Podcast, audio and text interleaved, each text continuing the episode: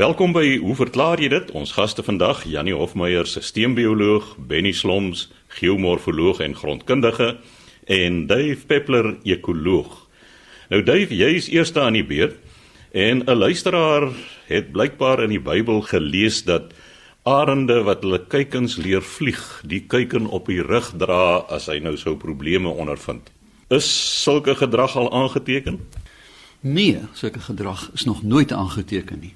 Maar ek lees eers gou Japie Kreer se brief. Hy sê hy lees in Deuteronomium 32 vers 11 tot 12 dat die beeld gebruik word van 'n arend waarvan die kuikens nog leer om te vlieg.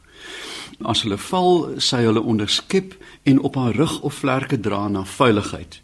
Nou is dit tog duidelik dat die beeld gebruik word om 'n sekere eienskap van die Skepper te verduidelik. Ek kry geen voorbeeld van sulke gedrag van arende in die literatuur tot my beskikking nie. Is daar werklik arende wat sulke gedrag openbaar? Japie Kreer van die strand. Japie, ek dink voor ek spesifiek na jou vraag kyk, moet 'n mens eintlik kyk na die Bybelse beheptheid bykans met diere. Ek het na die Bybel konkordansie gegaan wat 'n lywige dokument is en toe die diere daarna gelees en dit is verstommend hoeveel diere en plante uiteraard in die Bybel genoem word. As 'n mens kyk na Deuteronomium 14 vers 5 byvoorbeeld, gaan dit oor die eetbaarheid en die oneetbaarheid van diere en dan sê hulle 'n takbok, 'n gemsbok en 'n gestippelde takbok. Dis nou die 1950 vertaling van my ou Bybel. Ook 'n steenbok en 'n ribbok en 'n eland en 'n klipspringer. Nou al die name bekend aan ons. Ek dink nie die name was uiteraard bekend in Bybelse tye nie en dit het eintlik was die voorreg van die vertaler om afleidings te maak oor hierdie diere. Maar natuurlik ons het gereeld hoor ons in die Bybel van die adder aan eie boesem van mure wat 'n mens moet bekyk as jy wil weet hoe om te werk die donkie uiteraard wat uh, heilig is en onheilig is dra vlermuise bye byvoorbeeld die land van melk en honing word gereeld genoem. Die wild swyn met ander woorde wilde varke die vark soos in Asterix was in daardie dae wyd versprei in Israel. Uiteraard daar is 'n verbod op die eet van hierdie diere ook van die kameel. Daar word na korale verwys gereeld. Maar ook wat my interesseer is die ver kleurmannetjie spesifiek by name word in Deuteronomium na verwys. En ek vermoed dit was dalk soos hulle op die Weskus sê akkeldus wat net omvorm is na 'n kleurmannetjie maar ek ken uiteraard nie die oorspronklik nie. Dan is daar verwysings dat jy nie 'n koekoek mag eet byvoorbeeld nie en ook ander voëls soos reiers en roofvoëls in Levitikus 11 vers 16 Daar's gereeld verwys na duwe Ons moet onthou ten tye van die skrywe van die Bybel was hoenders nog nie bekend aan die Israeliete nie, maar wel duwe as eetdiere. Hulle is soos die Romeine aangehou die Engelse woord squab vir 'n vet kuiken wat dan geëet is. Maar nou kom ons 'n bietjie verfyn na die arend toe en daar is heelwat te sê oor die arend in die Bybel. Een ding is ek wel seker van na my nalees is dat die Bybel nie onderskei tussen 'n arend en 'n aasvoël nie. Dit is beide arende in hulle oë. Hulle praat hier van die hoë kraanse wat hulle gebruik en nou dit kan of arende of aasvoëls wees. Die fyn sig, ons het al gereeld gepraat oor die gebruik van die fovea, die verdigting van kegels in die agterkant van die roofvoël se oog wat byna soos 'n kamera lens, 'n zoom lens werk. Daar word gepraat van die arend se saamdrom om die gesterwenes. Nou dis aasvoels uiteraard, dis nie arende nie. En daar het my laat dink dat hy onderskeid nie getref is nie.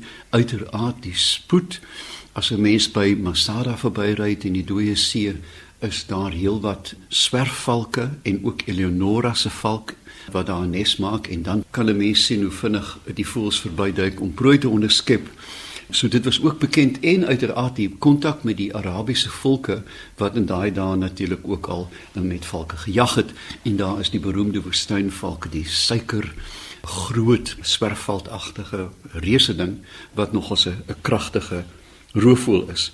Ook selfs in Job 39 vers 27 word daar ook van die adelaar gepraat. Nou dit is die edelgroot valke vermoed ek of die arende met hierdie vreemde beskrywing ook slurp sy kleintjies bloed. Nie 'n vreemde beskrywing die adelaar slurp sy kleintjies bloed en waar die gesneuweldes lê, daar is hy. Nou, dit kan uiteraard ook 'n aasvoël wees. Ek weet nie. Hoekom hierdie beheptheid? Ek dink dat ten tye van die skrywe van die Bybel en intedeel 1500 jaar later het die wetenskap soos ons dit ken glad nie bestaan nie. Daar was geen beskrywende wetenskap nie. Dit was nie sistematies nie. Dit het ook nie slegte inligting vervang nie. Dit was dogmaties. Met ander woorde, jy kan aan dogma eenvoudig niks doen nie, want dogma staan of val waar die wetenskap self aanpasbaar is. Dit word gereflekteer in die feit dat 'n mens weer in Levitikus, uh, een van die Bybelboeke wat ek werklik afstootlik vind, vind die inskrywing oor insekte dat alle insekte met vier pote mag nie geëet word nie. Nou ons weet vir 'n feit dat jy kan enige insek kyk en die ding het ses pote, maar dan is daar 'n klein onderskrifgie wat sê jy kan wel die woestyn en die trekspring aan eet, want hulle het die vier pote beskryf as looppote en twee as spring. Met ander dit is uiters onwetenskaplik. Die kleinste saadjie op aarde, die mosterdsaad, orgidee se saad is veel kleiner en so kan 'n mens aangaan. Hulle die beskrywing dat die Kanaaniete uitgewis is van die gesig van die aarde. Ons weet van DNA studies, hulle genus loop dwars deur ons en die Midde-Ooste. Hulle is nooit uitgewis nie. Hulle het um, sterk ingemeng geneties met die bure.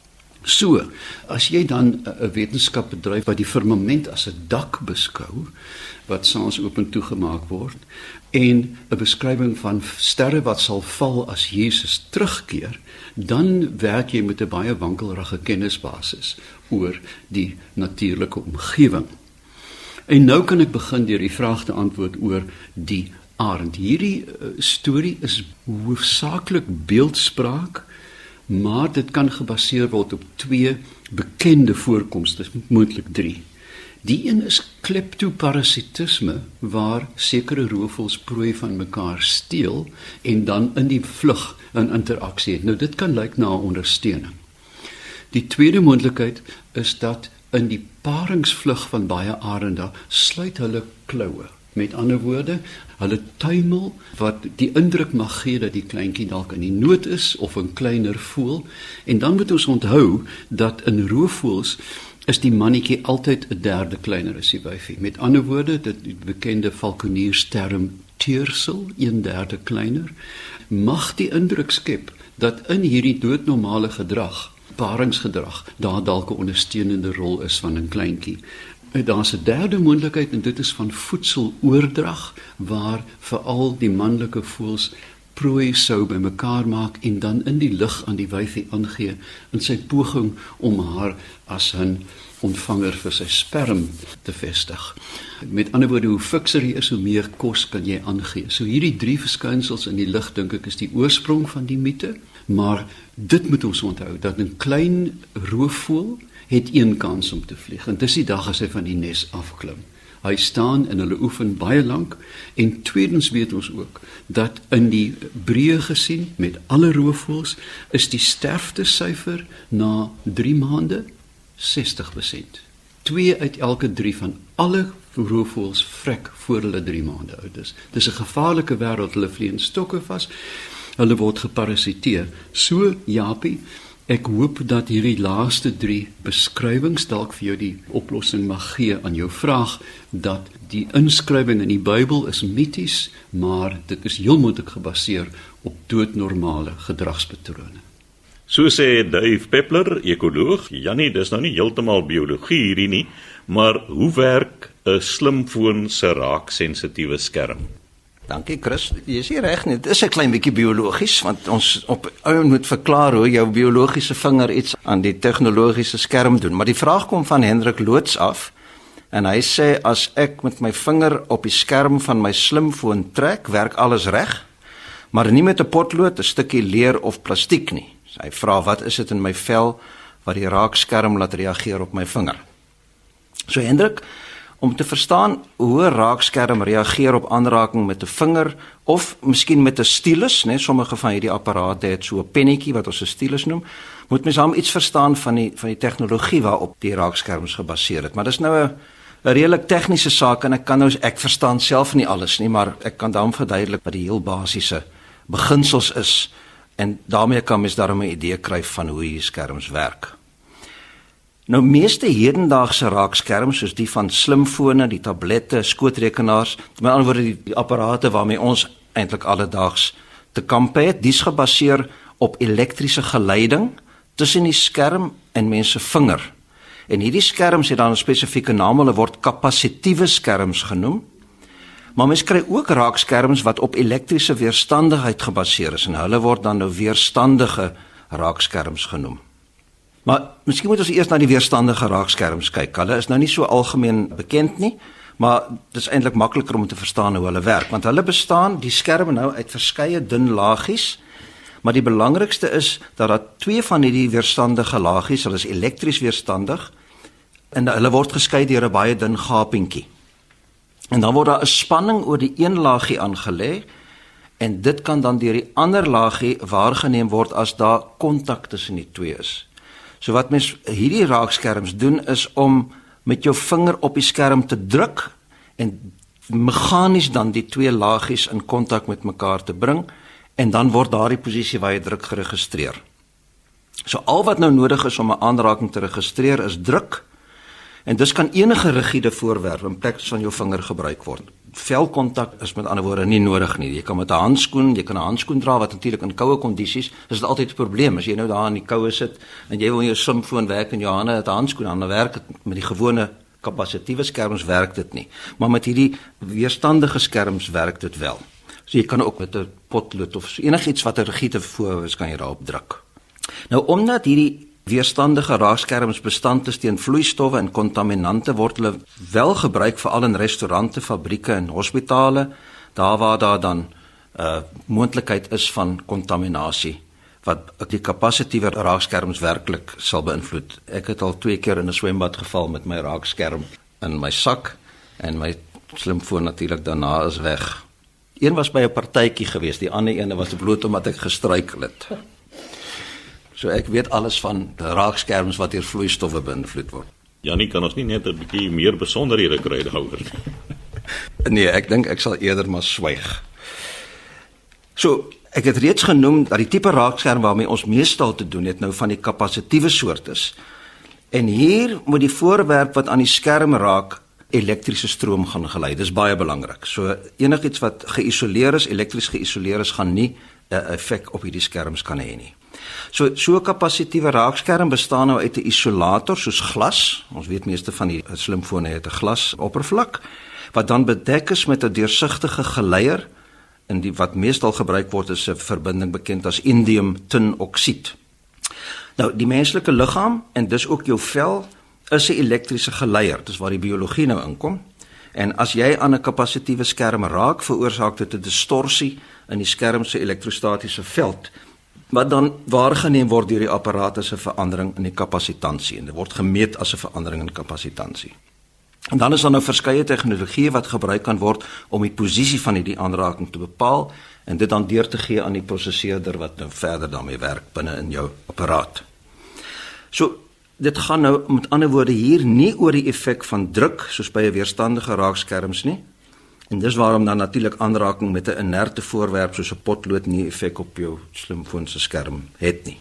So om hierdie rede kry mens dan nou by sommige slimfone of veral met hierdie Nota tablette, die effens groter slimfone, 'n spesialis wat genoem word 'n kapasitiewe stylus wat dan dieselfde elektriese effek as 'n vinger het. Aan die ander woord kan elektrisiteit gelei. Of 'n interessante oplossing is om spesiale handskoene te gebruik waarvan die vingerpunte toegerus is met 'n insetsel, so 'n klein ronde insetseltjie geborduur uit garing wat elektries kan gelei en natuurlik dan kontak tussen jou vinger en die skerm kan bewerkstellig. Nou ons weet dat hierdie tegnologie steeds onder ontwikkeling, né, tegnologie van hierdie kapasitiewe skerms en deesdae kan meeste raakskerms vasstel of dit nou jou vingerpunt of jou kneukel of jou naal is wat aan die skerm raak. En dan hierdie onderskeid tussen hierdie verskillende tipes aanraking kan dan gebruik word, benut word om sekere funksies te gee. Ek byvoorbeeld ek het 'n slimfoon as ek met my kneukel so 'n C op my skerm maak, dan gaan hy onmiddellik na my kamera toe. So jy kan deur verskillende soort van wat in Engels genoem word gestures kan jy nou allerlei dinge met jou slimfoon doen. Soke patrone wat jy kan maak en dan het dit 'n spring dit onmiddellik na funksie toe. So hierdie goed ontwikkel steeds. Ons weet ook van hierdie raakskerms word deesdae so gemaak dat dit buigbaar is. So een van die dae selfs van ons TV-skerms is nou en van hulle is raakskerms, nê, van hierdie groot TV-skerms. Hulle het nou 'n 'n buig in hulle in. So Hendrik, ek hoop dit help so 'n klein bietjie om te verklaar hoekom as jy aan jou slimfoon vat daar wel 'n effek is. Ja nee, hierdie uh, tegnologie, betuimel natuurlik dadelik as jy vis en chips geëet het of brilkrem aan jou hare gesmeer het of een of ander olierige ja. ding dan stort alles in duie. Ja, maar dan isoleer jy natuurlik die elektriese effek van jou vinger, né, deurdat dan nou 'n laagie isolasie materiaal daar. Uiteraard. So, skoon vingers, skoon vingers. Chris, ek weet nie of ek nog tyd het nie, maar met 'n minuut of so wil ek net graag 'n vinnige antwoord gee op 'n vraag wat gekom het van Susan van der Walt. En sy het gesê, "Hoekom is dit so dat as 'n stoetkoei of 'n opregte teef kleintjies gehad het van 'n bil of 'n reën wat nie opreg is nie, hulle dan nie meer as stoetdiere kan dien nie?" Sy vra, "Kan een werpsel 'n effek op 'n toekomstige werpsel hê? Hulle het tog niks met mekaar te doen nie." Nou Susan, jy is natuurlik heeltemal reg. Een werpsel het geen effek op die volgende een nie en enigiemand wat beweer dat dit wel so is, sal geen wetenskaplike getuienis daarvoor kan verskaf nie. Dis blote versinsel.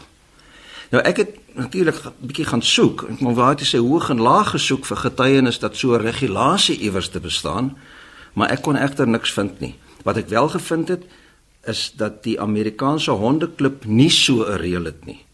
Natuurlik sal hulle nie 'n nie opregte hondjie registreer nie, maar hulle het geen probleem met die volgende werpsel van dieselfde opregte teef as die reën ook opreg is nie. So ek sou nogal graag wil weet of daar werklik iewers so 'n wet van die mede in die perse is en of dit maar net 'n gerug is wat jy gehoor het. So as jy vir my 'n bietjie inligting kan gee van waar jy die inligting gekry het, sal dit vir my baie interessant wees. Janie Hofmeyer, ons sisteembioloog, laaste aan die beurt Benny Sloms, ons geomorfoloog en grondkundige. Benny, Hoe identifiseer 'n mens areas waar windturbines opgerig kan word? Dankie Chris. Plase waarop windturbines opgerig word, raak al hoe meer gewild. Al hoe meer areas word deesdae geïdentifiseer vir sulke aanwendings. Nou hoe bepaal 'n mens waar is daar 'n geskikte area vir sulke windturbines? Nou die belangrikste faktor wat 'n mens moet identifiseer is natuurlik hoe sterk waai wind in 'n omgewing en hoe lank waai die wind. Die aantal winddae per jaar is natuurlik baie belangrik, meer as die windsterkte. So as 'n eerste laag in jou soektog gaan 'n mens na sinoptiese kaarte wat sulke gebiede in die breë vir jou aandui. Daarna gaan 'n mens na die groter gebied, jy gaan kyk na die geomorfologie jy kyk na 'n klompie weerstasies wat daar voorkom en so baken 'n mens die gebied al hoe nouer en nouer af. Die beskikbaarheid van grond is natuurlik baie belangrik. So die eerste ding wat die ontwikkelaars doen, hulle gaan konsulteer eienaars in so 'n omgewing en hoor of hulle belangstel. Sou hulle belangstel, dan word daar torings opgerig, een of twee afhangende van hoeveel windturbines opgerig moet word. Dit is hoë torings met instrumente wat die windspoed en windduurte meet. So data word ingesamel oor ten minste 'n jaar of 2 voordat daarmee die projek begin word. Nou indien die gebied gunstig lyk en die grondeienaar sê die saak is reg, dan moet daar volledige omgewingsimpakstudie gedoen word om goedkeuring van verskeie staatsdepartemente en van die provinsie te kry om voort te gaan.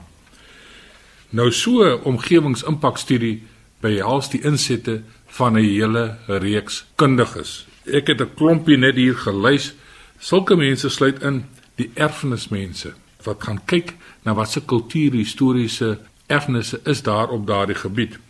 Argeoloë, grondkundiges, landbouekonome, visuele impak studiemanne wat gaan kyk na die visuele impak van hierdie turbines botaniste wat na die plante groei gaan kyk, zooloë, Dit is natuurlik alles wat kan beweeg aan die oppervlakte en baie interessant. Die onlangse twee projekte waarby ek betrokke was, was daar vlermuiskundiges in die span, want die winterbines is nogal ietwat van 'n bekommernis vir die vlermuise op hulle roetes.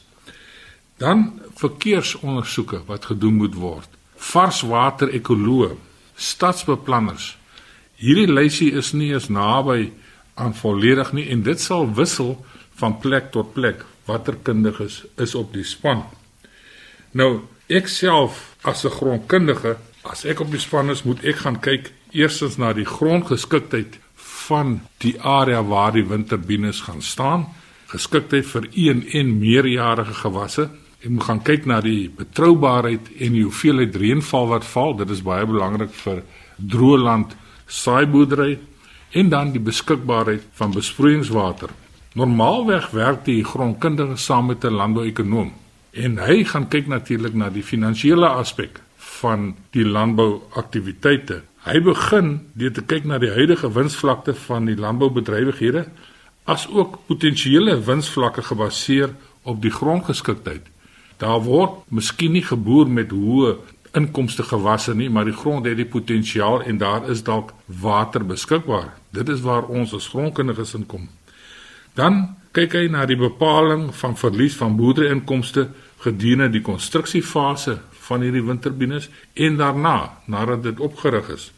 Dan die belangrike ding waarna hy moet kyk is die bepaling van moontlike wins vir die boere as gevolg van die verhuuring van windpersele. Die ontwikkelaars koop nie die plase nie. Hulle huur slegs die perseel waarop die turbine staan. En hierdie bedrag is nogal groot. Iemand het my gisteraand gesê dat indien jy 5 windturbines op jou plaas het, die inkomste daarvan is meer as genoeg om van te leef. En dan laasens kyk die landbouekonoom en die grondkundiges ook na versagtende maatreëls op die landboubedrywighede indien hierdie turbines opgerig word. Nou dit sal die luisteraars interesseer om te weet hoeveel grond word in beslag geneem deur een turbine. Nou die turbine self het 'n basis of 'n basis word gereserveer sirkelvormig met 'n deursnee van 24 meter. Dit wil sê 453 vierkante meter. Dit is die gereserveerde sirkel waarop die turbine staan.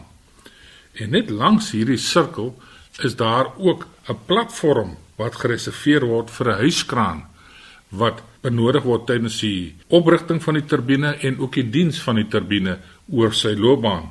En daarvoor word 'n verdere 50 by 60 meter op sy gesit met anderwoorde 3000 vierkante meter. So die totaal vir die turbine self en hierdie huiskraan staanplek is 3453 vierkante meter. Dit is so 'n derde hektaar. Nou die turbines word met paaie verbind voertuie moet kan ry tot daar. So dit is ook 'n permanente konstruksie. Die paai is gewoonlik 6 meter wyd en die kabels word ondergronds gelê. Die kabels wat elektrisiteit vervoer na 'n substasie. As 'n mens gaan kyk na windplase wat reeds in werking is en windplase wat nou in die beplanningsfase is, dan is die totale hoeveelheid grond op 'n plaas waar deur die turbines die paaie ensovoorts in beslag geneem word minder as 1%. Nou hierdie verlies aan grond moet egter opgeweeg word teenoor die inkomste wat die boer per turbine ontvang en vir 'n tydperk van 'n minimum van 20 jaar want die lewensduur van 'n turbine word gereken as 20 jaar. Daarna sal hy natuurlik 'n nuwe masjien kry as dit nodig is. Sy lemme moet dalk vervang word of as die mense die turbines nie meer wil hê nie, dan kan jy hulle verwyder en die grond is weer terug in sy oorspronklike vorm. Nou saaiboerdery en veeboerdery kan ongehinderd voortgaan onderkant hierdie turbines. En die grootste teenkanting wat 'n mens deesdae kry vir hierdie windplase is die visuele besoedeling. Nou as 'n mens na Europa toe gaan, dan is hulle oral. So daardie mense het vrede gemaak met die visuele besoedeling en ek is nie so seker of die besoedeling so ernstig is so sommige mense dit wil hê nie. Maar ek wil net een ding sê vir die manne wat teen windturbines is. Wat is die alternatief? Die alternatief is steenkoolkragsentrale en ons weet almal dat die besoedeling van sulke kragstasies baie meer is as die groen energie van windplase. En dan die ander vorm van kragopwekking in Suid-Afrika wat veral deur ons regering gedryf word, is kernkragenergie. Hier praat ons van biljoene rande, biljoene rande uit die belastingbetaler se sak. Die voordeel van windplase en ook vir sonplase is dat dit word opgerig met oorseese kapitaal. Dit kos die belastingbetaler van Suid-Afrika nie 'n sent nie. So sê Benny Slomps, geomorfoloog en grondkundige, die tyd het ons ingehaal. Skryf gerus aan, hoe verklaar jy dit? Posbus 2551 Kaapstad 8000 of stuur 'n e-pos aan chris@rsg.co.za.